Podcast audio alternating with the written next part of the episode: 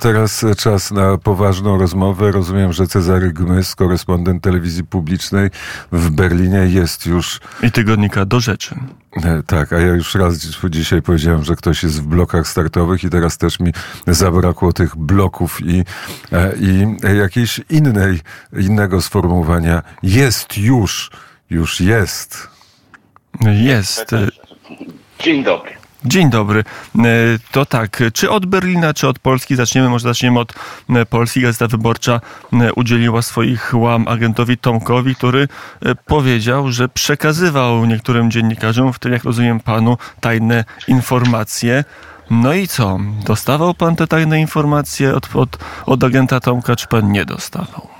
No jeżeli popatrzymy na to, co opowiada Tomasz mm, Kaczmarek, to musielibyśmy stwierdzić, że e, ja w tej sytuacji musiałem się wykazać jakimś skrajnym brakiem profesjonalizmu, bo jak wygląda opowieść e, agenta Tomka, mianowicie w miejscu publicznym, obserwowanym przez wiele kamer, e, spotykam się w jego towarzystwie oraz w towarzystwie powszechnie rozpoznawalnego mm, Mariusza Kamińskiego, byłego wówczas szefa CBA, żeby on przekazał mi trzy papierowe teczki na parkingu przed restauracją Zielona Gęś no to jest z mojej strony byłby to po prostu skrajny nieprofesjonalizm, popijając już fakt, że przed Zieloną Gęsią nie ma żadnego parkingu. Nie da się tam przed restauracją zaparkować, więc to jest oczywiście z tego bzdur. Ja całe życie swoje dziennikarskie bardzo przestrzegałem zasady tego, że informatorzy, którzy udzielają nam poufnie informacji, muszą mieć zapewnione wszelkie bezpieczeństwo. I ostatnim miejscem, w którym bym się umówił, mówił, to jest miejsce obserwowane przez wiele kamer, miejsce publiczne, w którym się przetacza, bo ta restauracja Zielona, no, zielona Gęś, obok stacji. Tak, metra i też ma ciekawych właścicieli i też ma ciekawą historię, długą jak na Warszawę. Tej historii akurat nie znam, ale to raczej nie ma związku z tym, o czym rozmawiamy. Chętnie ją kiedyś poznam.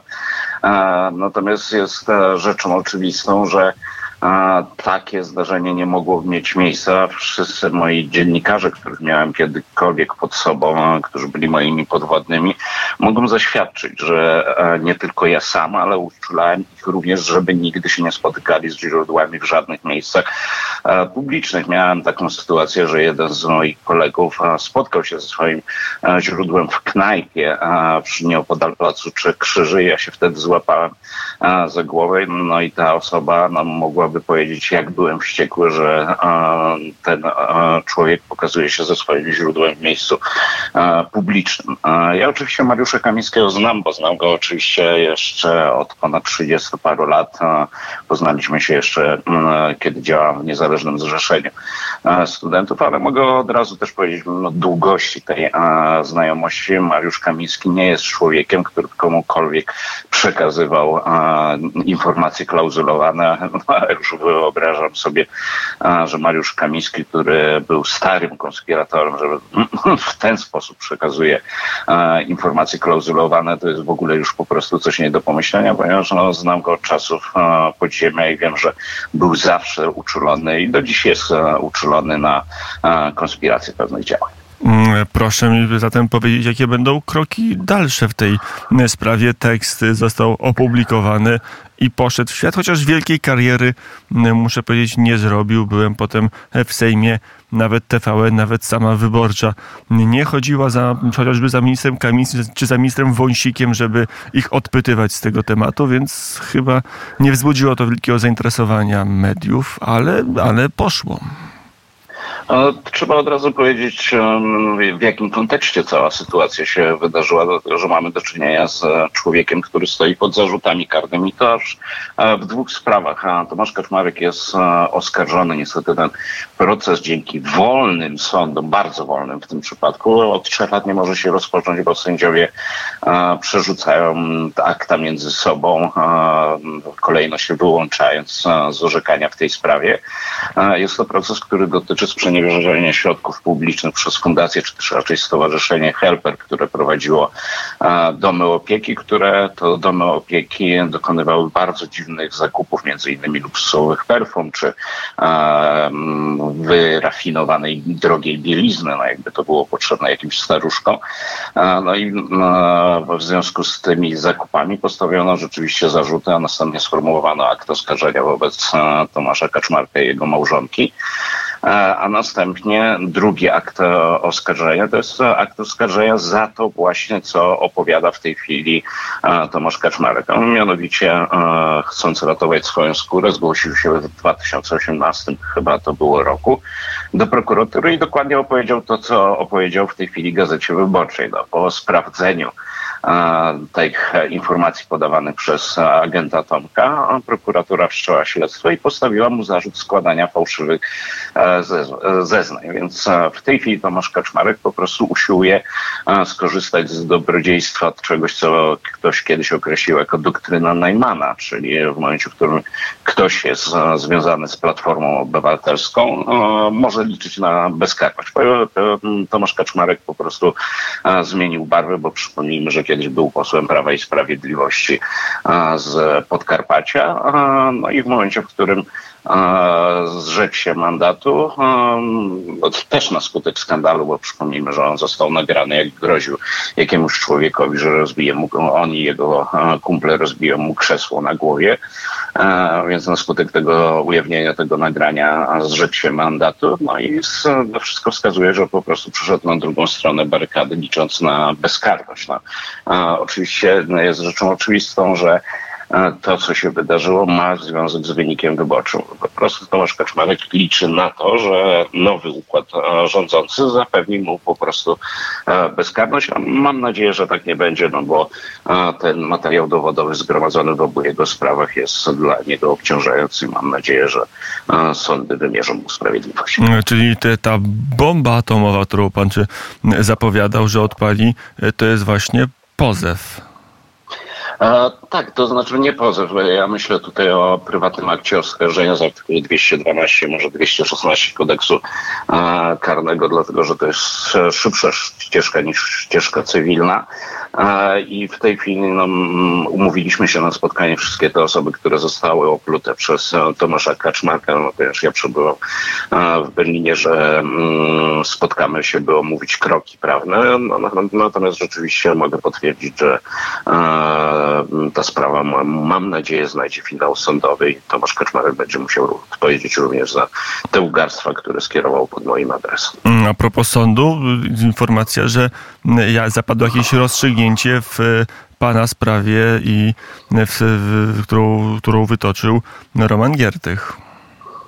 To już drugie orzeczenie w tej sprawie, mianowicie sąd umorzył postępowanie po raz drugi, dlatego że pierwsze umorzenie zaskarżył Roman Giertych i ta, sprawa wróciła do sądu pierwszej instancji sąd pierwszej instancji ponownie uznał, że sprawę należy umorzyć. Chodziło oczywiście o to, co pisałem, czy też mówiłem na antenie w kwestii tak zwanej afery Polnordu, która, podczas której zatrzymano kilka osób, zatrzymano również Romana Giertycha. No ja podawałem informacje publicznie dostępne, ale mm, najdłuższy polski mecenas no, za mną nie przepada z pewnych względów i postanowił mnie ale również e, Piotra Niszczortora i Samuela Pereira mm, oskarżyć w kilku procesach.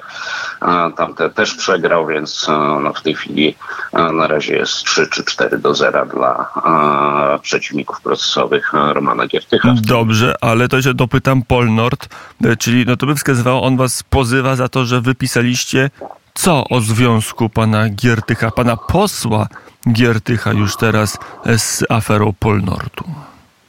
E, myśmy opisywali całą sprawę związaną z tym, z wyprowadzeniem pieniędzy e, ze spółek, które należały do Ryszarda Krauzego. To znaczy tam mm, to bardzo skomplikowana sytuacja prawna, dlatego że zaczęło się od miasteczka Gilanów, gdzie została zbudowana sieć e, wodociągowa, za którą miasto nie zapłaciło, ale ostatecznie, no, ja mówię w tej chwili z pamięci, więc e, zastrzegam, że mogę e, popełnić pewne błędy, ale ostatecznie no, okazało się, że w wyniku procesów sądowych miasto Warszawa musi za tą sieć wodociągową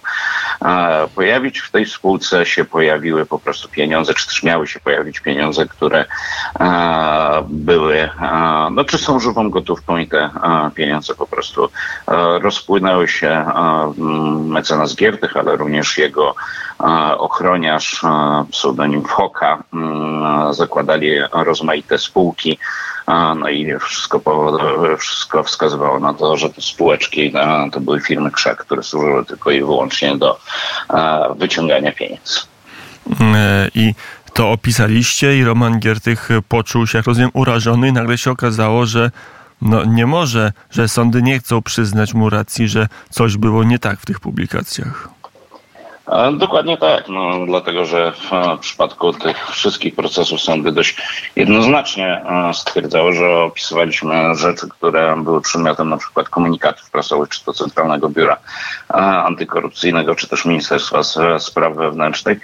Ja na tej wczorajszej swojej rozprawie niestety nie byłem, bo przybywam w Berlinie, no, ale reprezentował mnie adwokat, który zdał mi sprawozdanie z tego, co się działo na sali sądowej. Oczywiście no, ja tutaj zaznaczę, że ten wyrok nie jest jeszcze wyrokiem e, prawomocnym, bo mm, mecenasowi posłowi Giertychowi przysługuje prawo e, apelowania od tego wyroku, czy też e, próby jego podważenia w sądzie drugiej instancji. Mm, To jeszcze na koniec, co to może świadczyć o wiarygodności zarzutów prokuratury i śledczych wobec Romana Giertycha o wyprowadzenie mm, ponad kilkudziesięciu, a ponad 70 miliardów złotych z pewnej spółki. E, No niestety nie będziemy mogli się o tym szybko przekonać, dlatego że jestem przekonany, że w stosunku do mecenasa Giertycha również zostanie zastosowana doktryna Neumana. Widzieliśmy, co się działo z próbą uchylenia immunitetu w ubiegłej kadencji e, profesorowi Grockiemu. E, Okazało się to bezskuteczne i obawiam się, że również w tym przypadku Sejm nie wyrazi zgody na pociągnięcie do odpowiedzialności karnej Romana Giertycha, więc będziemy musieli czekać, aż wygaśnie mu mandat, żeby sądy mogły tą sprawę podjąć. A sprawa idzie o skromne 90 milionów e, złotych. No to ciut więcej niż wielka afera wyborów kopertowych, która ma się stać przedmiotem prac komisji śledczej. Tam chodzi o, 7, o niecałe 70 milionów. Tutaj jest tylko 90 na jednego człowieka. I co? Nie ma sprawy. E, Cezary Gmys, dziennikarz Tygodnik do Rzeczy, był gościem Radia Wnet. Dziękuję bardzo za rozmowę. Dziękuję bardzo, pozdrawiam wszystkich słuchaczy.